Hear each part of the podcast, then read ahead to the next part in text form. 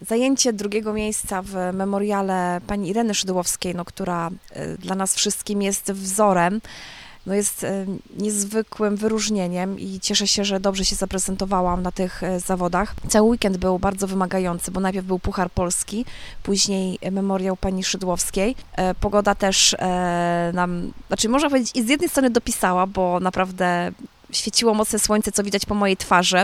Wiał też bardzo mocny, porywisty wiatr i przede wszystkim cieszy mnie to, że i w kwalifikacjach, i w pojedynkach sobie z tym wiatrem bardzo dobrze radziłam się.